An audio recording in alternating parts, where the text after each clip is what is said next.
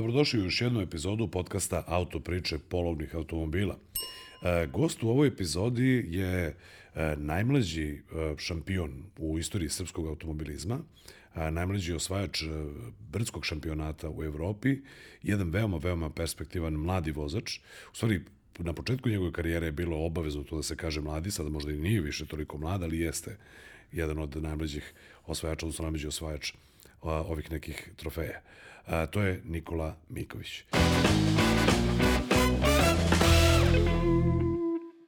E, Nikola, dobrodošao. Bolje vas našao, Miloš. Hvala što si, hvala što si ovde. Ne mi samo molim te da mi persiraš, sad, pošto sad, sad sam čuo vi, nemoj to samo... Neću, neću. ne, neš kao, obla... Ja to ispoštovanje. Pa, hvala, ali ovaj, automatski utiče na, na, na, na moj subjektivni osjećaj godina.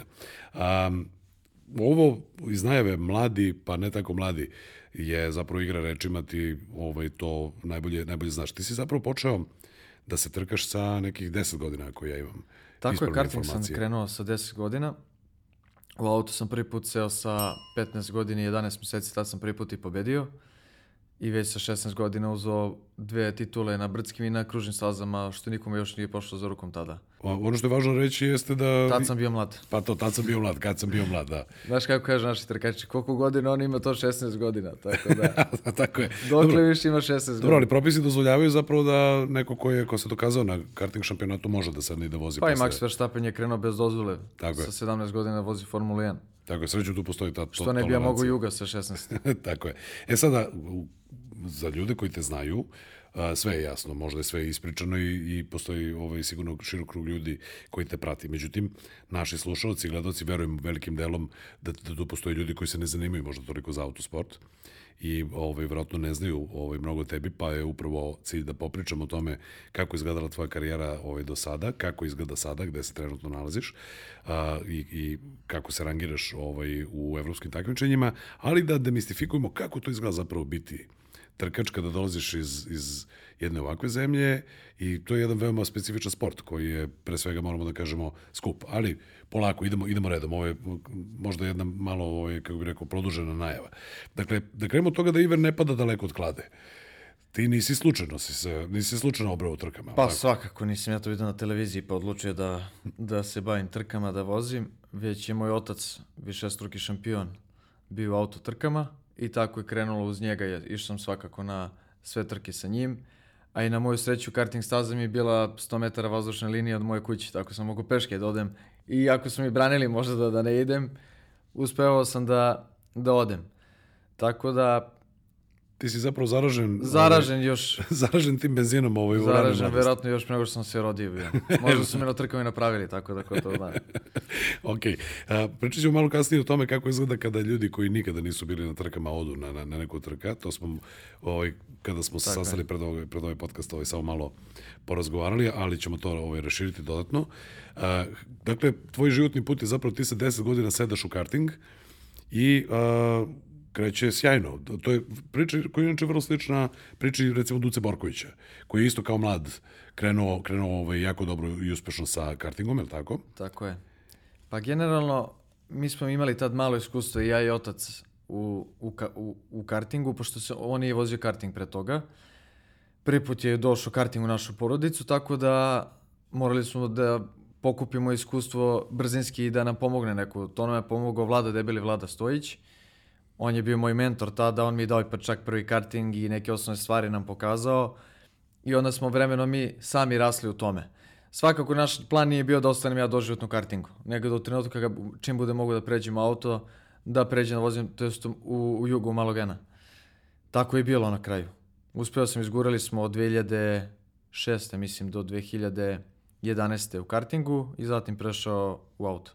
E sad, kada ovaj čovjek razmišlja o osobi od 15-16 godina, a, i kad se ja setim sebe sa 15-16 godina, neke druge stvari uglavnom ljude, da kažem momčiće, interesuju, a, kako se već to sad, a, kako će da se postave u svom društvu, interesuju ih devojke, neke druge stvari i tako dalje, što ne znači da tebe nije interesovalo, ali si od početka ima jedno vrlo specifično interesovanje. Sad ja sam pogledao jedan stari klip, ovaj, gde te gospodin Đenić intervjuše i tvoj tata insistira na tome da se završi fakultet. Dakle, može trke, ali mora da se završi fakultet. Pa ja prvo da pitam, je li taj amanet ispunjen ili nije bilo Jeste, ipak vremena? ispunio sam, svakako, Bravo. ali meni je uvijek bio fokus naravno na trki. Od samog početka ništa drugo me generalno nije ni interesovalo osim toga. Dakle, mogli bismo da kažemo da si se rodio Pa tako je. za to. Ceo život je preusmeren i moj i, i očev naravno i cela porodica je preusmeren na te trke. Budimo se, ležemo, spavamo se, idemo trkama, ne o čemu drugom. E, kad kažeš budimo se ležemo, ovaj, možda sad treba da krenemo na, na to kako uopšte izgleda odlazak na jednu trku. Ja imam određenu vrstu iskustva jer sam baš išao sa, sa Ducom ovaj, pre nekoliko godina na više nekih staza. Ovaj, I Perguza u, na Siciliji, i Slovakija Ring, i Hungaro Ring, i, i Monca i tako dalje. I to je jedno vrlo, kako bih rekao, to putovanje je jedna vrlo specifična ekskurzija koja ponekada može da traje jako dugo, zato što se naravno gleda da se ode najjeftinije moguće, ne mora da znači najkomfornije moguće, Naravno. jel tako? Dakle, da opišeš kako to izgleda kad se ti spremaš za neku trku, ti si, inače, u trenutku snimanja ovog podcasta, a, već si vozio sada ovaj, u Francuskoj, a, malo pre toga si u Monci ovaj, napravio sjajan rezultat i pre tobom je trka u Španiji.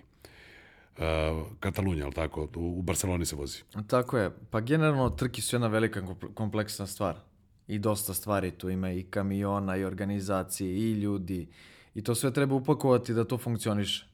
Da nema problema u kolektivu, da se niko ne sveđa, pošto opet tu bude desetak ljudi. Sve treba da se upakuje. To je stvarno jedna mala ekskurzija. Kad pogledaš, to i pamtimo iz mlađih dana, te dešavanja sa ekskurzije i dogodopštine. Tako da toga ima i ovde. Putovanje svak, svakako dugo, duga i velika. Sad smo recimo putovali 24 sata iz Francuske. Proveli smo 24 sata u kombiju, staje se to naravno Naprave na pauze, pauze, da. ali ne prave se pauze u hotelima, nego smo konstantno putu. Tako da i ljudi budu umorni, i ja budem naravno umoran od svega toga, ali opet gledamo sve to kroz neku šalu i priču da, da proživimo, da imamo posle šta da prepričamo dogodovštine sa puta. Tako da, sad sam se vratio iz Francuske, pre toga smo bili u Monci, bio sam treći, to bi najbolji rezultat do sada u tom Clio kupu i naravno, kad kažeš treći, zvuči kao što nisi bio prvi, ali 52 takmičara je bilo, nije bilo 10 takmičara. Tako je, pa je onda Tako je. treći od deset nego... Nego od 52. Celokupno sezone mislim da ima preko 100 prijeva. Ja sam sad trenutno šesti u generalnom, u generalnom plasmanu. Tako da, trenutno tim radi na, na tome se spremimo za Španiju. Kad kažem tim, to mislim, nemamo mi tim kao Formula 1. To je par prijatelja i, i drugara koji radi na tome. I ja, naravno, uz, uz moju porodicu. Ali opet, generalno sve najviše pada na mene da i ta organizacija i, i kamiona i transporta i trkačkog auta i finansija i vožnje i putovanja. Dakle, ne misliš samo na to kako ćeš Ne, da savladaš ma- stazu i pritom ponekada neku stazu vidiš po prvi put u životu. Pa Nego- ove godine samo sam dve staze video od, od osam. Samo sam na dve bio, tako da i to mi veliko, i to mi je otežavajuća okolnost. Dobro, ali, ali- moram ali vremen- onako znaš, parcijalno da se fokusiram na stvari. Da, odnosno, Ne mogu samo na vožnju da sad, eh, ne, na vožnju razmišljam pet minuta pre nego što treba da krenem. I Što- kod kuće kad imam vremena. Što je vrlo specifično u odnosu na neke druge Tako je. automobiliste. Ovaj Prvo sam- mora se fokusiram da auto bude 100% spreman i ja sam taj posljednji koji ide i čekira sve, jer ja treba opet da vozim to moje glave u torbi, ne njihova. Ali naravno srećem imamo baš dobar tim koji srčano to rade, niko nije zbog novca tu, nego tu da se napravi rezultat. Ja mogu da posvedočim, izvini, iz tog mog eh, prethodnog iskustva kada sam putovao na, na te neke trke, da zapravo glavna, kao što si rekao, ključno je da, da tim dakle, bude složen, jer se radi o napetoj situaciji, radi se o povišenoj tenziji, nekada sve uradi tim što treba da bude, ali rezultat izostane iz nekog drugog. Može se desi sudar, može da se, da se desi ovaj kontakt sa drugim vozačem koji nisi ti provocirao i da sve ode mast u propast. Gde smo bili nigde, šta smo radili ništa. Ali šta hoću da kažem, ono što se oseti u, u boksu, a, u zapravo kada, kada vidiš tim koji složno radi, jeste da svi oni hoće da, ako mogu tako da kažem, da izginu za tu stvar. Pa To je- pustili bi krv za... za srce, srce tako je. srce kukuće gde su, svi smo se okupili, kao što si rekao, par prijatelja, tu ima i entuzijasta, ali ima i, i profesionalaca, koji su zapravo svi zajedno na jednom zadatku. Postoji čak i uh, naučno istraživanje, znaš, kada zajedno, zajednički rešimo neki, neki zadatak, dešavaju nam se i hemijske promene neke, neke da. mozgu, pa to vezu, vezuju ovaj, ljudi među sobom. Ali, evo, tvoj tim kažeš broj 10 ljudi. I tu ima i nekih, pretpostavljam, fluktuacija. Nekad neko ne može da krene, ali tako? Nekad pa, neko... Pa, konstantno se to generalno menja. Teško je uklopiti, dosta je putovanja, to je 8 vikenda po 4-5 dana. Mesec i po dana treba budeš van, van kuće. Teško je da ti nekoga usloviš sa tim da mora on da ide na svaku trku. Ali svakako mi smo napravili tako da, da, se, da se smenjuju. Da svaki put ide neko drugi, da niko ne bude previše opterećen, osim jednog drugara koji pre, pre ja neću otići na trku nego on. tako da ide na sve trke. Ali Tim je modul. Kao što si rekao, svi bi dali srce za to. I ja to stvarno tako osjećam i oni isto svi su zaljubljeni postali u to koji je jedan put otišao nikad više neće odustati od toga. Tako da, generalno ne uživam samo ja, uživa, uživa ceo tim. Sad si pomenuo nešto što sam teo da osim možda malo kasnije, ali upravo taj moment kada se čovjek prvi put nađe. Ja sam imao priliku zapravo prvi put da se nađem na ETCC trci na Hungaroringu. Uh, bio sam tamo odveden kao gost i tad sam prvi put video, inače sam bio na Hungaroringu na trci Formula 1, ne znam, 97. godine. Ovo je dosta, dosta davno i bio sam i dosta mlad, jel? Ovaj, I onda kada ti zapravo osjetiš to iz, iz blizine, osjetiš taj miris tog specifičnog goriva, e, čuješ sve te zvuke oko tebe, zaraziš se. Zarazi, ima ljudi koji dođu po dobro, ok, e, vidio sam, ok, to je bilo to. Ali nekako ti uđe u krvi. Evo ti si svedok da si, ovaj, pomenuo si mi u pripremi za, za ovaj podcast, da ovaj, budu ponekad neki ljudi sa tobom na putu koji ga idu da vide. I onda kada vide, onda, onda hoće da idu stalno. Generalno, celog života je tako. I sa ocem je po 15 ljudi išlo na trke. Njima je to neka zabava, vid zabave. Ja to gledam maksimalno profesionalno, gledam da se ja ne zabavljam tamo, nego da odradim posao kako treba. Ali to ne znači da oni ne mogu se zabave. Neki je to i problem, jer njih oduševljava nešto drugo, a trenutno mora budem fokusirani na, na auto. Ali dobro, svakako gledamo da, da povedemo što više ljudi kad je to moguće, da ljudi osete kako je stvarno to, jer neki nemaju priliku da odu na Formula 1. Iskreno ti kažem, ja nisam bio na Formula 1, ali sam gledao recimo film, to je seriju Drive to Survive i vidio da je to sve identično kao kod nas samo u većem formatu. Da, da to i nema već, nik... auto i veća lova. Tako i ne, oni identično imaju problem i oni imaju problem samo u finansijski samo veći. Tako da identično kao taj film i njima se dešavaju probleme i kod njih nije sve savršeno i da pogreši mehaničar da ne stigne točak i da zaborave neke delove da nešto nije dešava se, treba. Dešava se to i zbog adrenalina i zbog, da kažemo, frke. Najbitnije je ostati pribram u tim situacijama kad je pritisak I tad se vidi ko kako funkcioniše pod pritiskom. Imaš ti ljude koji se tresu kad je kad je pritisak, kad je brzinski nešto treba da se uradi. Tako je. Tako da, a nekom to postalo rutinski da radi. Ko, ko dugo ide ko dugo ide po trkama. Ja više nemam reakciju. Apsolutno Sve si vidio već. Ne, pa ja sam toliko prošao više, ne znam šta treba se desiti, bi se ja uzbudio kad, da bi me nešto iznenadilo. Ali dobro. da, ok, I, ajde, kad kažemo tim, koji je modularan, jeli menja se, ko su ljudi koji su ti neophodni u timu, ti moraš da imaš a, ko sve tu mora da bude? Pa, svakako, s obzirom da mi putujemo s jednim kamionom i s jednim kombijem. Ja nemam kategoriju da vozim kamion, znači to vozi otac i još jedan čovjek ide sa njim koji služi za održavanje logistike tamo. Jer tu boraju 10 ljudi. Mora se napravi šator, mora se ne jede Nijemo nešto, velike, tako mora da je, treba jesti, nešto. popiti, aparat za kafu i ti kad pogledaš, to trebaju dve čistačice da bi to ostalo normalnom, u normalnom stanju. Mi smo ipak tamo 5 dana u, u tom šatoru. Muškarci u nekom poslu, u ša, ispod šatora Tako, i, i u frci su stalno. Možda zamisli na što bi to ličilo da nema njega koji održava to konstantno. On pada s nogu na kraju dana. Ali i on, svakog i on je požrtovan u tom poslu. Onda mehaničari. Ja, ja ne mogu da izađem recimo tokom kvalifikacije da ja zamenim točak I, da, i, da i hoće. o tome koliko si ti zapravo inače u tome, jer i sam na tome I da često da radiš, ali dakle mora da postoji... Ne, pa čitav tim. 3-4 čoveka konstantno koje rade oko auta i kad je auto novi, kad nema šta se radi, opet održavanje neko na auto i priprema za sledeći trening, sledeće kvalifikacije, dosta odlači vremena i rada, tako da svakako ne bi uspeo sad, sam da postignem. Evo sad sam u Francuskoj bio recimo bez jednog mehaničara. I to je prosto... Ali opet, tu su mi bili drugari koji nemaju predstave šta ali se su, kako ali radi. su mogli nešto ti pomognu. Tako je. Samo ti nema reći šta mi možda uradimo. Da sipamo gorivo, to znamo. Da obrišemo auto, znamo. Da odnesemo točak, znamo. Znači ti nam ono neke tako zvane glupe stvari daj da odradim, mi ćemo raditi kako treba. I stvarno tako je bilo. Tog drugara koji sam poveo, koji nikad nije bio ni na ni na jednoj trci, on je oduševljen bio. Kaže mi ono, nigde bolje se nisam proveo nego ovde. I putovanje i tamo svašta se videlo i stvarno Paul Ricard staza je fantastična. Kompleks čitav, ja ne znam, oni su više uložili u onu baštu oko staze nego, Nego recimo cela, cela Monca koliko je. Tako da svašta može se vidjeti na trkama. E, upravo si pomenuo, dakle, ja hoću da pričam i ostavit ćemo to za malo kasnije, dakle, e, financije. O, ta cela stvar je veoma, veoma skupa, ali kad kažemo da odlazak na trku, eto, tim ima, kada ima vremena, ima novca, e, ima uslova, je 10 ljudi. U Francusku si išao, pa si, eto, kao što si sad rekao, bio bez jednog meha- mehaničara. Kako zapravo izgleda tvoja psihička priprema za trku, kada ti moraš da razmišljaš i o logistici na neki način i o tome da li je, da li je sve kako treba, pa razmišljaš i o automobilu i još se susrećeš sutradan recimo sa stazom na kojoj nikad nisi bio. Jer ti uzmeš neki moment za sebe pa nešto kao iz, izmeditiraš. Ma ne, ili- mislim, vremena ja za to, nego parcijalno razmišljam i parcijalno se fokusiram jer sam perfekcionista.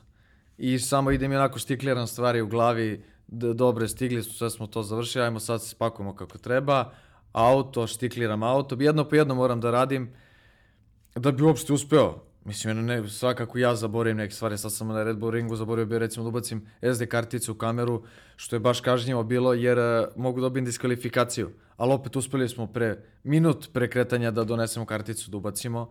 Dešavaju se propusti svakako. Dosta tu stvari ima koje treba da se urade kako treba i opasan je to sport. Najbitnije mi pre svega da je auto 100% spreman za, za vožnju. Što kažu da je do mehanike sve kako treba i da onda Tako ti je, možeš pa ja, da daš ja radim i na sebe. setup, i pritisci guma, i koliko je kalkulacija goriva, koliko goriva da se sipa. I opet, uh, strategiju... Izvini, samo da te prekinem, e, da bi ljudi koji nikada nisu ovaj, bili na trkama ili se ne bave prosto time nije im privlačilo pažnju, razumeli ono što pričamo, a, zapravo svaka staza ima drugačiji, drugačije se podešava gibljenje. Drugačije, uh, zavisi da li je kiša ili, ili je, nije kiša, pričamo i o gumama, ali kad pričamo o proceni goriva, zapravo je idealno da automobil ima samo onoliko gori- goriva koliko mu treba, da ti ne bi bio teži nego što treba. Tako je. To se inače i vaga sve i tako, i ti se meriš. Mi imamo odre... to je minimalnu kilažu sa vozačem posle vožnje koja mora da bude i moramo da imamo minimum 3 litre u vozilu da bi oni mogli da iskoriste kao uzorak za proveru, Da proveru gorivo goriva. bilo kako treba da Tako bude, je. tako je. I sad mi tu gađamo u 3-4 kila. Ja recimo tokom, tokom vožnje izgubim 2-2,5 kile. To je deo opet sledećeg pitanja, dobro, izvini. Dve i po kile, tako da... A ne smeš opet da budeš ni previše težak, 5 kila, da ostaviš lufta jer je auto slabaš na taj generalno koji vozimo i svi smo isti. Imamo 50 istih automobila i svaka sitnica, Može da nosi tako je, razliku. u, na Red Bull ringu je prvih 18, a, 18 automobila bilo u 80-ih. Znači tebi 5 kila, neke, neke jedna stota, ti si izgubio 3 mesta. Tako je. I to je potpuno nevjerovatna stvar. Da tako, Objašnjavao je Hamilton jedan put. da minutna stvar može da zapravo utiče na, na krajnji rezultat. E sad, pomenuo si ovaj, da izgubiš 2,5 kile tokom trke.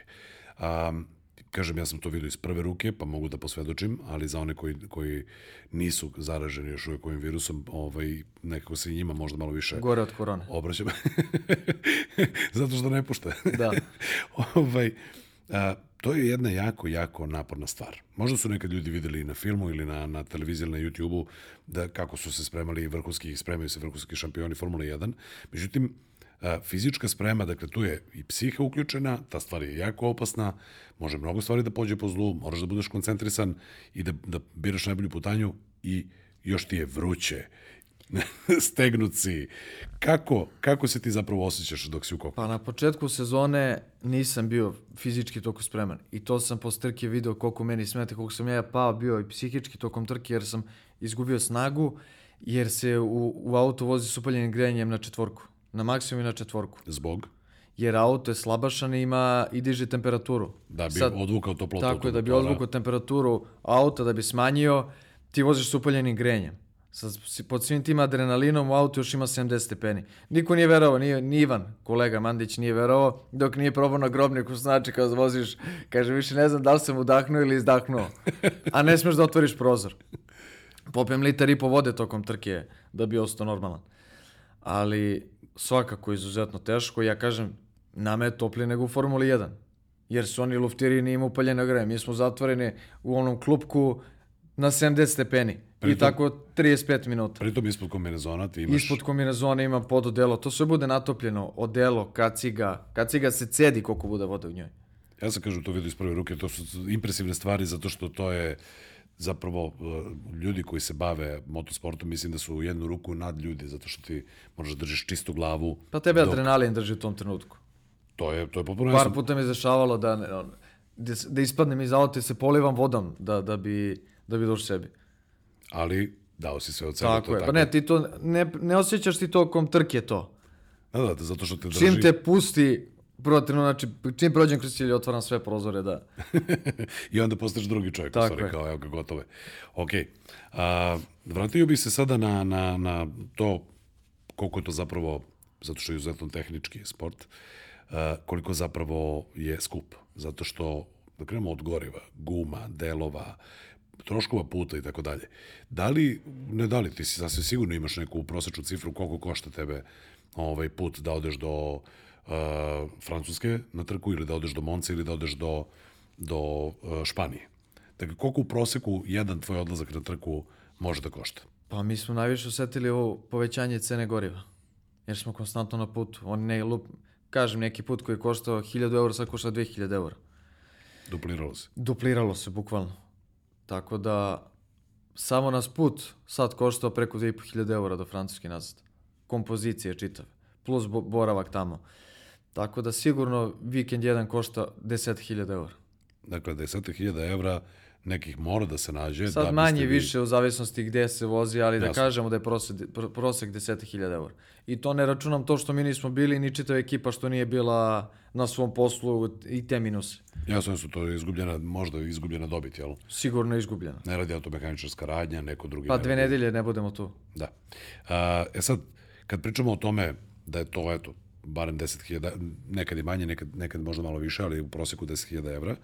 A, prosto nekako se ne samo čini, nego mislim da je činjenica da u drugim zemljama su dosta izgrađenije i dosta bolje izgrađena ta, kako bih rekao, i mreža sponzora koji su spremni da učestvuju i da podrže motosport. Logični sponzori koji bi tu negde imali interese i tako dalje. Ja znam iz, iz tog doba kada je, kada je počela da se vozi Evropa, kada je počela da vozi Duca Polković Evropu, da sam gledao Norberta ovaj, Mihelica kao primer. Ti si mogao da nađeš na pumpi kasu Tako da za priloge. Gde Mađari ubacuju prilog za svog vozača koji je nacionalni ponos i tako dalje. E, koliko je teško naći sponzore, zašto je to teško i koliko pomaže država i da li bi mogla i da li bi trebala da, da pomaže više? Pa generalno sve se osniva na tome da su prijateljska neka sponzorstva i da bez prijateljskih kontakta ne može ni da se dođe trenutno do, do, do neke finansijske podrške. Trenutno veliku podršku ima Automoto Savjeze koji je moj generalni sponsor, koji me pomaže zadnji niz godina. I svakako im još dosta sitnih prijateljskih sponzora koji me guraju tokom sezone. Sad su mi, na primjer, samo prijatelji platili ovu trku. Jer smo se vratili iz, iz uh, Monce bez budžeta sledeću trku i sedeli smo u kafiću gde su oni odlučili da, da se, tako reći, istale da, da pomognu za tu trku. Tako da mi putem se zahvaljujem na tome ali izuzetno je skup sport. Nažalost, nemam podršku države, dobijam stipendiju Ministarstva omladine i sporta kao zasluženi sportista, ali nemam, da kažemo, Mi zapravo imamo, izvini što te, da kažem, prekidam, ali imamo tebe kao i drugi neki trkače i ranije i u drugim nekim takvičenjima koji mogu zaista da služe za ponos u ovoj državi. Jer to su u određenom godištu kada si, kada si bio mlađi bili i neverovatni rezultati, a i sada su jako dobri rezultati s obzirom na to kakva zapravo podrška stoji za tebe, odnosno kako se ti snalaziš da, da, bi, to, da bi to postigao. Pa i Duci ja smo pokazali potencijal i talenat još kad smo bili mladi, tako da Duce uspeo da se izbori, što mi je izuzetno drago da, da vozi velike šampionate i da pravi rezultate tu. Nadam se da ćemo mi uspeti u tome da, da obezbedimo budžet, da, da možemo da vozimo ono za što smo spremni. U Srbiji ima mali broj nas koji smo spremni na, na tako velike šampionate.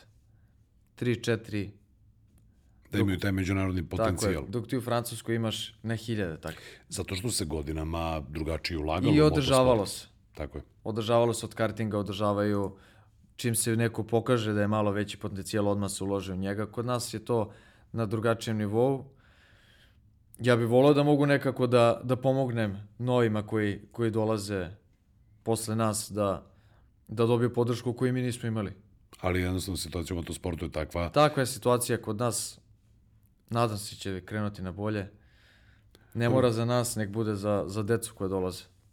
Dobro, a, kada pričamo o ovoj, sad si prešao i na tu neku poruku mladima, a pretpostavljam da gledaš ovaj, pratiš tu i tamo i, i kakvi su neki novi klinci ovaj, na kartingu, koja bi bila poruka ovaj, nekim klincima koji, koji danas počinju i stasavaju? Pa sad se trenutno i družim sa tom decom, jer su došli na taj nivo 16, 17, 18 godina.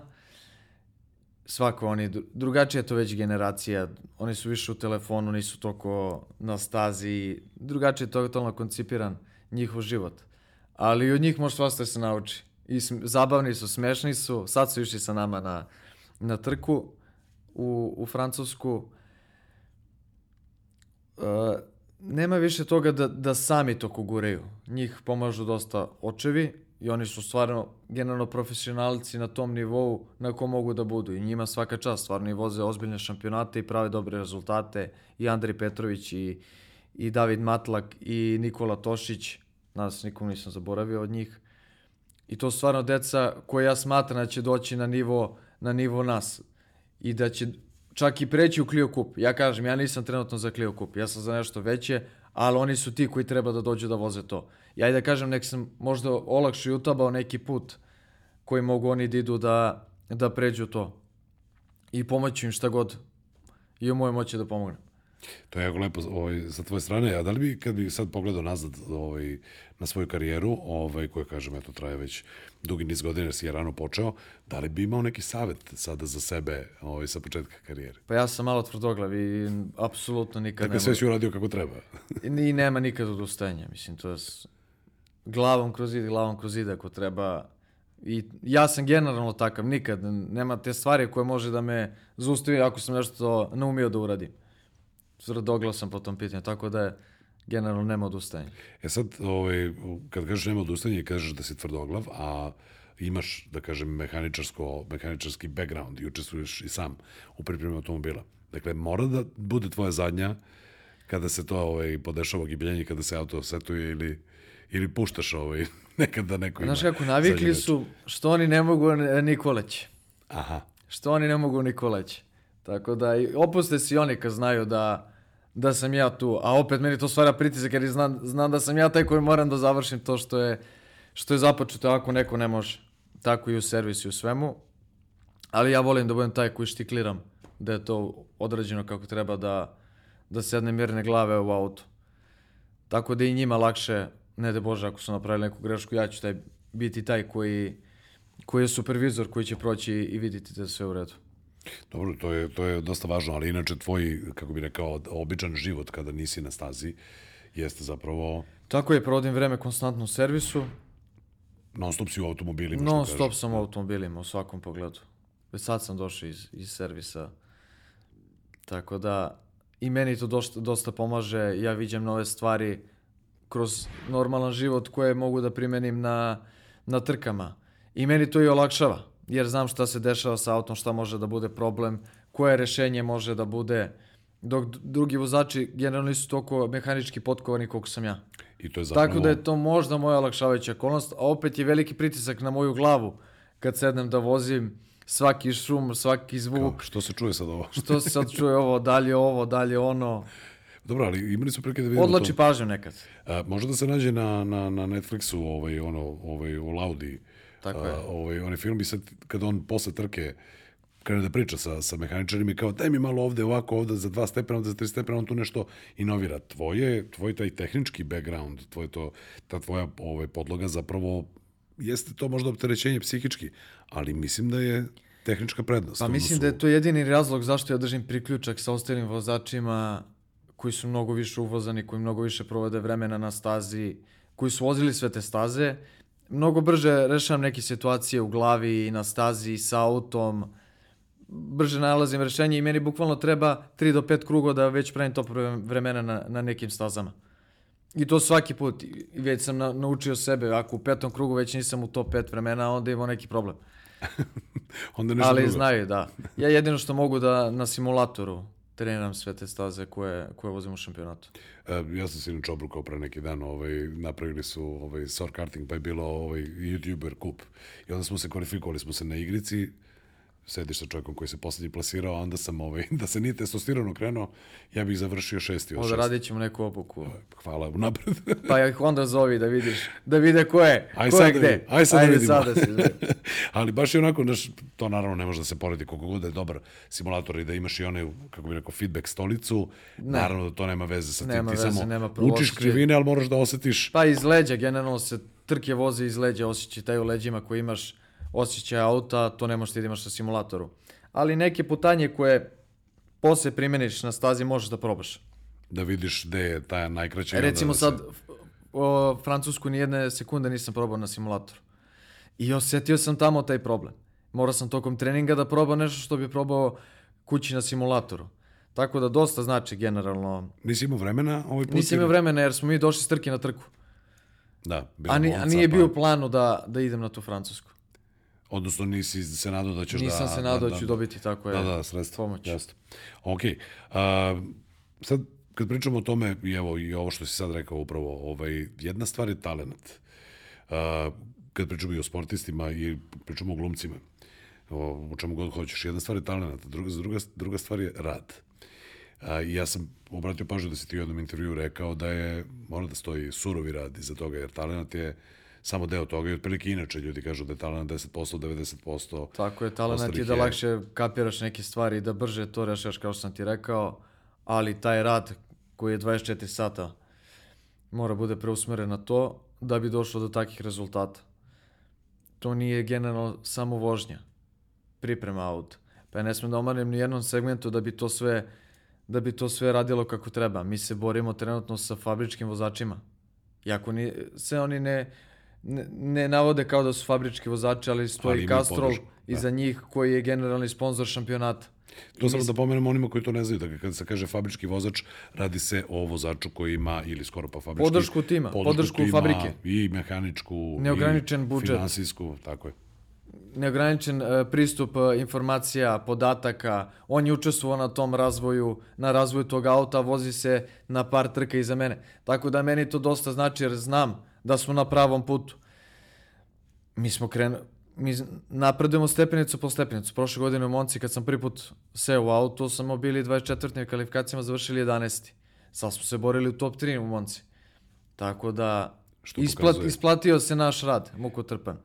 I rad mog tima, naravno. Uhodili su se svi, i tim, i ja, i neki cake koje smo tokom trka koje smo tokom trka naučili i probleme rešavali. Mi smo problem sa novim autom, recimo, koji smo tek sad rešili. Problem sa regulatorom uh, sile kočenja. Gde on meni konstantno, to se vidi na snimcima, blokirali zadnjih točkovi, gde ja konstantno dolazim popreko na kočenja. Ja sam nekako vozao bio to. To je moj problem. Što nisam primetio da imam problem na auto, nego sam navikao na to da dolazim popreko na kočenja. Kažu Nikola, nemoj samo tebi, e, da samo ti dolaziš tako popreko na kočenje. Kaže, ne znam, rekao, možda preagresivno ukočim, prekasno ukočim, može do mene. I uvijek tražim prvo, krećem od sebe, nikad ne krećem prvo od auta, da je problem u autu. To sam iz kartinga navi, na, naučio. Prvu sesiju kad izađeš, sve ti smeta. A onda ti ako kreneš da menjaš setup, zaludiš suđe voda u uši i od toga nema ništa. Tako da uvijek gledaš da se privikneš na to, na, na trenutnu situaciju. Tako da, Iz, iz tog ugla, iz tog ugla kad pomeneš, uh, upravo smo tu, da kažem, diferencijaciju napravili između fabričkih vozača i ljudi koji dolaze sa svojih prostora odavde, to, to može se kaže ta neka partizanska priča. Seci uši, krpi i onda krećeš ovaj, dakle, uh, s jedne strane imaš neograničenu finansijsku podršku, imaš mehaničarsku, mehaničarski, ovaj, mehaničarsku podršku i imaš pristup raznim modernim sistemima, telemetrija se podešava. ma i drugačije, ne, oni ne razmišljaju da li će slupati auto. Tako je. Jer je njima to takva sića jedna, da li će da napre 1000 po 2 eura štete na auto, nama to je recimo sledeća trka. Tako je. Nama jer, toga jer je za- jedan je auto, nema rezerve. Mi nemamo rezervni auto. I šta je najveći problem? Imamo samo jedan auto u timu, jednog vozača. A auto je takav da ne može se vozi bez zavetrine, zavetrine, vidio si u Formula 1 slipstream. Gde ti bukvalno izgubiš sekund i po dve po krugu ako se ne voziš u zavetrini. Sad me recimo Španac spasao u drugim kvalifikacijama u posljednjem krugu mi napravio zavetrinu, bio sam 24. I na posljednjem krugu napravim budem sedmi na, na kvalifikacijama. A nije, imao, nije morao to da uradi, nego smo napravili dobar kontakt, vidio i onda smo mi brzi, da se borimo sami. To su primetili i ostali vozači. Da, to se, to se vidi. Inače, Poku- vidi se razlika između tih naših Što bi se reklo, i- sam protiv svih. Svi su Francuzi, svi, svi su iz dva tima, sad ti ulaziš među njih, lako oni tebe namesti, izlupaju, ali uvek gledam da se probijem, postavio sam taj nek, to neko ime, da sam agresivan vozač, da neću da popustim, da ću udariti ako treba, ako, kapiraš, daću se od sebe, nije, neću se sklonim nikome u svakom Sad slučaju. ste na teren. Normalno. ok. Um, e sad, uh, kad pomenu smo sva ta putovanja, kad si bio znatno mlađi, ok, karting je malo drugačije stvari, drugačije se putuje, posle došlo i Evropsko brdo, vozio si i... Pa drugačije je bilo vreme prvo tad kad smo vozili karting. Nije se vozili inostrane trke, bio je zatvoren šampionat, slabo se izlazilo tad van države. Vozio se, tad nije ni postojao domaći šamp, karting šampionat, nego su naši roditelji, moj otac i još par prijatelja napravili, da kažemo, privatni, pa se posle vratio u Savez kao, kao redovni, redovni šampionat. Tako da ja kad sam kretao, baš je bilo na niskom nivou. Gde sam ja zapravo ovaj, ciljao s ovim pitanjem? Sva ta putovanja i drugačiji, drugačiji život od, od svojih drugara i vršnjaka, koliko je zapravo ostavio traga na tebe, odnosno da li misliš da je, naravno ti to ne bi menjao, pretpostavljam, ni za šta na svetu, ali kako te je promenilo? Pa mnogo rano sam sazreo, ja mislim. Ja sam već s 15 godina bio sposoban sam da zakačem prikolicu da odvučem auto na trku, recimo.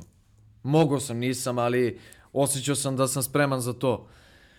Bio je dosta na putu, rešavali probleme toko puta.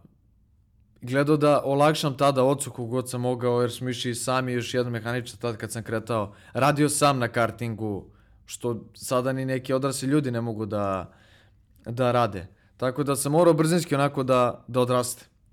Znači, imao si jedan ubrzani kurs. Sve, Ubrzani kurs, tako odrastanje. sve je ovaj, nekako išao, sve ima veze sa brzinom. tako? Naravno. Dobro. Da li imaš neki a, u karijeri neki peh koji, kojeg se posebno sećaš kao svoje greške ili tuđe greške, a da, da te koštalo a, poena bodova? Pa imao sam u kartingu najviše. Posle u autu se to smanjilo, bukvalno da nisam imao uopšte. Dešavalo se kvarovi. Mislim da sam ja čovjek sa najmanje kvarova na autu. Možda baš zbog toga što sam Što toliko veze sa- posvećen to, to, to. tome da sve bude kako treba. Ja ne znam da li sam jednu ili dve trke možda u karijeri da nisam završio zbog kvara na autu. Od stotinu trka. U kartingu izgubio sam titulu ta 2011. mislim, jer, smo na, jer sam na ovom warm-upu se sudario sa drugim sa drugim takmičarom is- iskrivio osovinu, već to je bilo blizu trke, morali brzo se promeni, svi su skočili promene, nisu stegli do kraja sve i meni tokom trke spao lanac. Tako da tu sam izgubio titulu u kartingu, možda jedino za čim žalim. Ali ostalo je to sve gledam kao neku školu. Baš zbog toga sam maksimalno fokus- fokusiran i da sve mora da bude odrađeno kako treba. Ništa ne sme da se ostavi, ni najmanja sitnica, ta sitnica će te ostaviti na, na trci. Znači imaš bukvalno check listu kao, Checklist, kao pilot. nemam na papiru, imam u glavi. Dobro, možda bi bilo pametno da napraviš Pa, ovako. je, to i mi pričamo svako, iz trke u trku treba da napravimo checklistu, ali napravit ćemo svakako. I da se ide samo štiklica po Jer dok nam ide kako treba, opušteni smo. Pa da. Ok, dobro, ali, ali generalno to iskustvo zapravo te dovelo do toga da sve mora da se proveri, jer je ovaj, negde jedna stvar proklizala, drugi put druga i Tako onda... je. Ne sme nijedan šav da se ostavi koji je oštećen. Sve mora bude provereno, svaki šav pred plastična vezica da bude vraćena da je bila fabrički. Tako da evo sad mi je recimo senzor ABS-a bio puko jer je zakačio Ferrari, nije bila vraćena plastična vezica. Glupost neka koja ti napravi problem tokom treninga. Ali eto, dešava se. Tako je. Ok, um, sad kad uh, rekao smo da li te i kako te promenilo i kako ti izgledao život, rano si odrastao, pitao sam te već pri, pri samom početku da je tatin uslov bio da se završi fakultet. I to si, kažeš, ispunio. Tako je, ja sam bio, mislim, dobar. Vrlo dobar i u srednjoj školi. Završio sam uh, MEF privatni fakultet. Tako da nisam uspeo da budem na državnom fakultetu, jer sam već krenuo da konstantno idem po trkama i nisam bio bukvalno Da, ne nikad tu. prosto ne mogu prosto vremenski ja da se Da. uklopim da, da dosta, dosta, dosta odlači vremena i jedno i drugo. Ali ispunio sam i tu želju, završio sam taj privatni fakultet, tako da on može bude zadovoljan. Sve sam ispunio što je planirao. Štiklica još jedna. Tako je. ok. E sad, ovaj, da se vratimo na, na aktualno takmičenje i na tu procenu. Generalno interesuje me šta je inače tvoj, da kažem, najviši cilj u, u motosportu, ali i da pričamo sada o, o Clio Kupu, koji smatraš već da si, da si prerastao. Šta bi trebalo da bude sledeća stepenica? Pa generalno svi bi mislili da je to Formula 1. Ja mislim da je to nedostižna stvar. Posebno ja generalno nisam više ni mlad, 27 godina. Ulaze klinci od 17 godina već u Formulu 1, tako da je pomeren taj neki prag godina. Moja neka želja je da to bude Porsche Super Cup ili DTM čak. Dakle, to je... Posle ovog, naravno nekim stepenicama to da ide da bude TCR Evropa, pa ali da kažemo to je Porsche Super Cup ili, ili DTM. Ok, e sad, hajde popričamo ovaj, o, o Clio Kupu, dakle, koji si trenutno, gde si plasiran, koje si sve do sada staze ovaj, provozao, koje si morao negde da, da, da propustiš, ako jesi, i da objasnimo šta je to Challenger. Pa ovako, trenutno sam šesti u generalnom plasmanu, a drugi u Challengeru. Challenger je grupa gde su gde se bode vozači do 27 godina i do 10 trka u Clio kupu. Ja još uvek nemam 10 trka, tek mi je osma ili deveta trka. Tako da ove godine se nadam da ću i ostati drugi u Challengeru i šesti u generalnom plasmanu. Nažalost, propustili smo na početku godine trku u Madridu u Harama, jer je bilo predaleko i nismo imali budžet uopšte za to, ali smo zato odvozili sve trke Uh, vozili smo Imolu, vozimo generalno sve, formula, eh, sve staze gde se vozi Formula 1 ove godine. Vozili smo Imolu, vozili smo Zandvoort, Hungaroring, Hockenheim Ring, Red Bull Ring, uh, Moncu i Paul Ricard. Što je pre svega Nadam se da sam preskočio nijedno. Što je pre svega sjajno iskustvo, da Tako vidiš te neke legendarne staze. neke si vidio na simulatoru, pre toga neke nisi. Uh, ok, sad Challenger uh, je zapravo da objasnimo napravljen za ljude do 27 godina da zapravo u toj velikoj konkurenciji vozača ne bi ovi, da kažem, stariji vozači Pa oni su napravili malo da bi motivisali vozače. Da bi i neki drugi, ne samo prva trojica, uzeli neki tako reći pekar. Mene to stvarno ne zanima. Da, svi ostali su... Više pekara sam podelio nego što sam, nego što sam uzeo. Tako da, oni su napravili tako, postoji Clio Cup Francuska, Clio Cup Španija, Clio Cup Italija, Clio Cup Istočna Evropa, Clio Cup Evropa i Challenger u svakom od tih. kao podkategorija zapravo je. da bi i mladi mogli da se pokažu, a da zapravo i stariji mogu da, da, da, da voze, a da svima bude interesantno. Tako je. Ja sam bio najbolji ruki prošle godine u Monci u Clio Kupu. Tako da trenutno je takva bodovno stanje. Ja sam naravno odlučio da vozim Clio Cup Evropa, koji obuhvata sve. Mogu sam da sam hteo, jednostavno nisam teo uopšte da štikliram na prijavi Clio Cup Istočna Evropa, jer me nije interesovala titula. Ja nisam skupljač titula, ja sam skupljač pravih e, vožnji. Dakle- I dokazujem da kakav sam na stazi, ne da Pucaš- ređam pehare po, po policama. Pucaš na visoko, ne ideš na kvantitet, Naravno. nego na kvalitet. Naravno, me samo kvalitet zanima.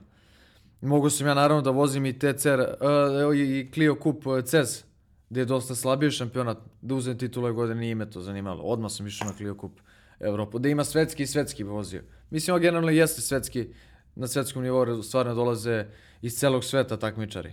I Tajland, i Kina, i Kazahstan, sa svih strana dolaze. I tu treba biti, kako bih rekao, ozbiljna marka pa se pokazati. Tako je, ja hoću da osvojim taj šampionat sledeće godine. Dobro, i biti želimo sa ove strane prvo da Uz ćeš pravu naći... podršku mislim da mi to možda uradimo. To, nadam se da ćeš, nadam se da ćeš naći ovaj dobru podršku, ovaj, dovoljnu podršku i da, da ovaj, ostvariš te rezultate, zato što mislim da zaista jeste ovaj, fenomenalno sve što si do sada uradio. Ma ja sam siguran da mi imamo kvalitet za to. to. S ovim s čime mi raspolažemo pravimo takve rezultate, gde si ti fabrički timovi već boje prilaze mi pre trka, kao ako možda se ne mešaš u naše borbe za titulu, Okay. tako da osjećaju i oni pretnju da sa naše strane. Dobro, to mora da imponuje, jel da? Naravno, Pošto svaki- inače svaki trkač to su naravno veliki mora biti vozači, taj. Nikolas Milan, koji već zadnjih par trka iza mene deseto, ima 10 titula u Clio kupu iza sebe. Ja sećam njega kad sam bio klinac, kad je vozio 206 kup. 206 RCC kup. Tako da, I sada polako skidaš njegovu sliku. pa ne, sad oni drže moju sliku. pa to, to, to. Promenilo I kad se. ih udarim i kad Tako da zapamtit će nas dobro. Odlično. I Još jedan od, od videoklipa koje sam ovaj, pogledao na YouTube-u jeste Slavlje u Buzetu. Ovaj, ti si najmlađi osvajač e, brda, evropskog brda. I tamo sam imao prilike da budem sa, sa, sa Ducom pre mnogo godina i da vidim jednu specifičnu, to, i, to je specifična staza i da je, da je kako izgleda proslav posle toga sa svim onim bakljama i tako dalje. Ovaj, kakav je, kakav je, ko je zapravo, kad pričamo o, o evropskom brdskom šampionatu, koja je najteža staza? Pa najteža je Španija. Najteža je Španija, jedna od najjužih staza s najviše krivina, ali meni najviše legla. I najviše mi onako prirasla srcu. Bio sam nivici, postavim rekord staze. Postoji bi sigurno da nisam izletao u tom posljednjem delu i uspeo tako i da pobedim na, na toj trci. A što se tiče Buzeta, to treba doživjeti. To ne može ljudima da se opiše, ta atmosfera na stazi, posebno u Hrvatskoj, gde Hrvati slave kao da je njihov čovjek uzu titulu, a ne. Da, popale se baklje, jedan put sve postane naranđasto, nosete na rukama. Nose me iz- na rukama, oni piju za tebe i slave, tako da i čak je bilo kažnjivo i opomenuti se da će biti uhapšeni ako naprave bakljadu. Oni su opet napravili i rizikovali, tako da Ne odustaju od tu tradicije. atmosfer, ne, tu atmosferu treba doživjeti svakako. Da, to, to je stvarno je, ovo je vrlo specifična stvar.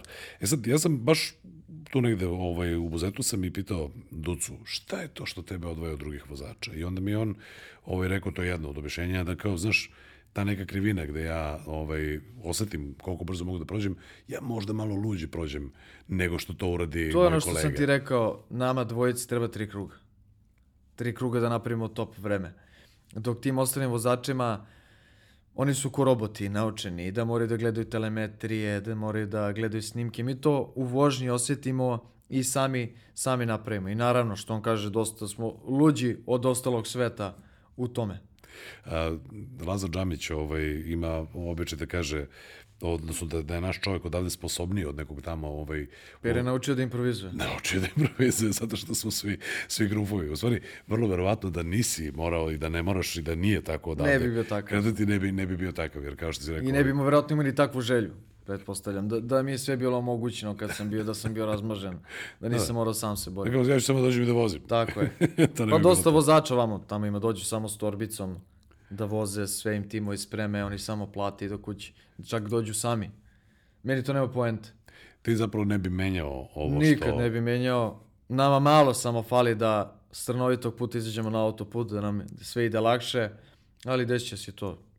Siguran sam. Drugim rečima, ovaj, eh, s, s, ajde da kažem, tu sinergiju timu, taj napor i sve to što ti radiš oko tima, to bi moglo da ostane isto, samo ako bi podrška bila malo veća, bili bi sasvim sigurno... Pa meni je krivo što tim mora rezultati. trpi generalno. Što moraju da idu da, mislim, oni niko ne, ne dobija nikakvu finansijsku To sam te da kažem kad smo pominjali tim. Niko mi ništa To su ljudi nije koji dolaze oni tu svi dolaze zbog iz ljubavi. ljubavi i zbog mene, naravno. Ja pokušam neki drugi način da im se odužim kad god mogu, ali naravno niko tu nije zbog para. Ja bih volao da to može napravimo, da mi odemo i dva, tri dana ranije pa da uživamo u tom Monte Carlo, Nici, dok putujemo Barceloni, da ostajemo duže, pa da, da tako uživamo, ali doći to sve na svoje. Dakle, ide, u idealnoj bi bilo, svi članovi tima su plaćeni, Naravno. se ranije i tako dalje. Ja ti zaista želim da, da dođe trenutak u tvojoj Ma karijeri. doći sigurno, ne odustajemo dok ne dođe do toga. ok. E sad, još jedna stvar koja je prosto važna, uh, bezbednost u saobraćaju kod nas ovaj, u zemlji, stvari se menjaju i ovaj, usvajaju se na, na pragu je usvajanje nacionalne strategije za bezbednost u saobraćaju do 2030. Uh, prosto moram da te pitam kakav si ovako kao, kao vozač, uh, koje su ti inače vozačke navike, kako bi ocenio generalno naše vozače i šta bi poručio mladim vozačima koji nisu trkači, nego mladim vozačima koji tek počinju da... Pa generalno ja se izdivljam na stasi. Ja budem toliko iscrpljen od te vožnje da mi muka više da sednem za volan da vozim, a kamoli da, da divljam i svakako gledam, jer ja treba da budem uzor mladima i starima svakako u saobraćaju, a ne da, im, ne da budem loš, loš primjer kako ne treba. Tako da poštujem sva pravila i svakako apelo bi na tu decu da prvo dođu na karting stazu, da osjete kako izgleda kad guma prokliza, da dođu na, na navak, da probaju auto na stazi gde imaš izletne zone, da, da, da to ne probaju u saobraćaju svakako. da prosto nauče šta, šta može da se desi. Šta može da se desi, jer e, to što mogu da probaju u kartingu, koji dosta znači, ne mogu da probaju u saobraćaju. i bit će spremniji, bolje će reagovati u nekim situacijama svakako. Tako je, evo ja sam pomenuo dakle ovu moju bruku od pre neki dan. Pa vidjet ćeš ti sam kad budeš radio sa mnom koliko ćeš ubrzati i ono prediti. ne, kao ja, ovo je sigurno idealna putanja i onda za malo se okrenem, pa čekaj ne tako kočenje, nego ovako gas i tako dalje. Ovaj, da, zapravo u onoj nomenklaturi ovaj, našoj, kada se nov, nov, nov ovaj, automobil ili malo prešao prodaje, pa kaže vozila ga baba, ovaj, vozio ga pilot, auto je kočaša, treba u stvari vozio ga trkač. Zato što Tako trkač, je. Trkač je, zna koja rupa će došteti, zna kako treba da vozi, gde ne treba da udari koji vičnjak, kako da prešalta da što manje ošteti auto. Mi kad vozimo brzo, ne štetimo auto. Drugim rečima, ovaj, vozite, vozite opreznije i upravo to. Tako dakle, je. auto koji je za civilnu upotrebu nije auto koji... Nije auto za- i ulica nije trkačka staza svakako gde, gde treba ljudi se dokazuju. Ako misliš da si brz, i dođeš na karting, dođeš na navak, ima track day, platiš, voziš, pa vidiš gde si. I onda kapiraš koliko si daleko od, od brzog. I da li jesi ili nisi. Tako, I da nisi lud uopšte. ok, e sad moram da te pitam, blesavo da te pitam u tom, da kažem, delu da kao autoleksikon, interesuje me ko šta vozi, kad, je- kad je ovaj, počeo da, da vozi, šta je ovaj, vozio. Blesavo da te pitam ovaj, kad si položio, položio si čim si mogao, je tako? Pa čim sam mogao i to smo čekali samo da ovako pokupim dozvolu da krenem na reli, bukvalno sat vremena jer sam imao reli, a na, za reli je trebala, trebala dozvola. Šta ti, šta ti rekao instruktor? Kao, ja, Pa ne, znali su, Da. znali su da, da, da vozim trke, da, Da. ma rekli su nema šta ovde da, da pričamo i da gledamo. U, u stvari je bilo najkritičnije kao čekaj samo bre propisa da položim. Tako je. Testove. Testovi su za mi, pa testovi sam i pao bio. Stvarno? Da. Znači položio si iz, Iz drugog puta? puta. Iz drugog puta. A vožnju iz prvog, naravno. Tako, to sam dobio bio od Automoto Saveza, vožnju i, i testove gratis. A, pa to je, to je lepo njih. Dobro, ovaj, dakle, prvi Tako auto... da sam od uvijek bio dete Automoto Saveza. Dobro, to je lepo. Nastavlja se. dakle, pomenuo si, čekao si dozvolu i idete na reli. Budući da, da se često nešto prodaje, pravi, e, sprema za trku, kapiram da ne zadržavaš neki automobil dugo kod sebe, ili imaš neki Evo, sad sam automobil koji, koji zoveš svojim. Sad sam, uvek sam imao e, auto koji vozim na trkama, tako vozim i, i gradski. Vozio sam Hondu, vozio sam gradsku Hondu Typer. Nije bilo dve u državi, tad ja sam vozio gradsku Typer. Posle toga vozio sam trkačkog Seata, vozim i Seata gradskog. Tako da uvek sam gledao da, da pratim, da pratim to što vozim na trka, vozim i u gradu. Hoće mi kažeš da sada voziš Clio. Ne, ne. Dobro. Kad sam vozio Lancera, nisam imao tad Lancera, ali čim, sam, čim se ukazala prilika, kupio sam Lancera, imam Lancer Evolution 9 i njega čujem i ne planiram stvarno da prodam nikada, jer me taj auto podsjeća na, na tu evropsku titulu koja mi dosta znači. Voleo bi da sam mogu da zadržim trkački, Da, to nije taj, ali... ali nije taj, ali identično beli auto da bude i njega sad trenutno i vozim. I vozim Megana RS-a po civil, nije Clio, ali je Megan. Pa dobro, da, znači, to je u fabrici, drži se u fabrici. Tako je u fabrici. Dobro, kako bi opisao inače stanje kod nas u saobraćaju, da napravimo neki kao fotorobot srpskog vozača. Kad vidiš šta rade ljudi, ovaj, recimo tamo ovaj, u Kavišnici, Karaburgu gde živiš, tu je recimo pravac gde ljudi znaju noću da, Pa da, ali da prave gluposti. tako, tako postalo da ja uveče, kad, mislim u toku dana kad treba da izađem u Rikvest, po 10-15 minuta čekam da me neko pusti.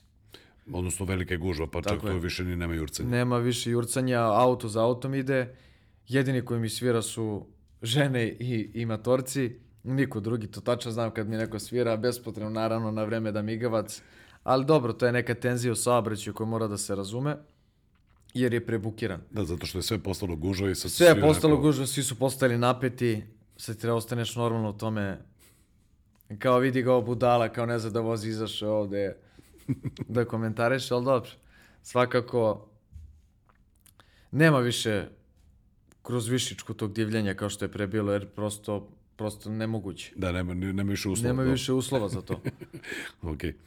A, A i gledam se što manje vozim, pravo ti kažem. Ovo mi sad, da u sred bela dana dođem negdje bilo pakao. Hvala. Jer sam navikao, navikao uveče ako mogu, odem provozom se do grada, nemam tu relaciju, živim tu da mi je servis, tako da izađem, radim i, i uveče se možda provozim. Znači ti radiš od kuće, generalno. Tako je. Da, ok.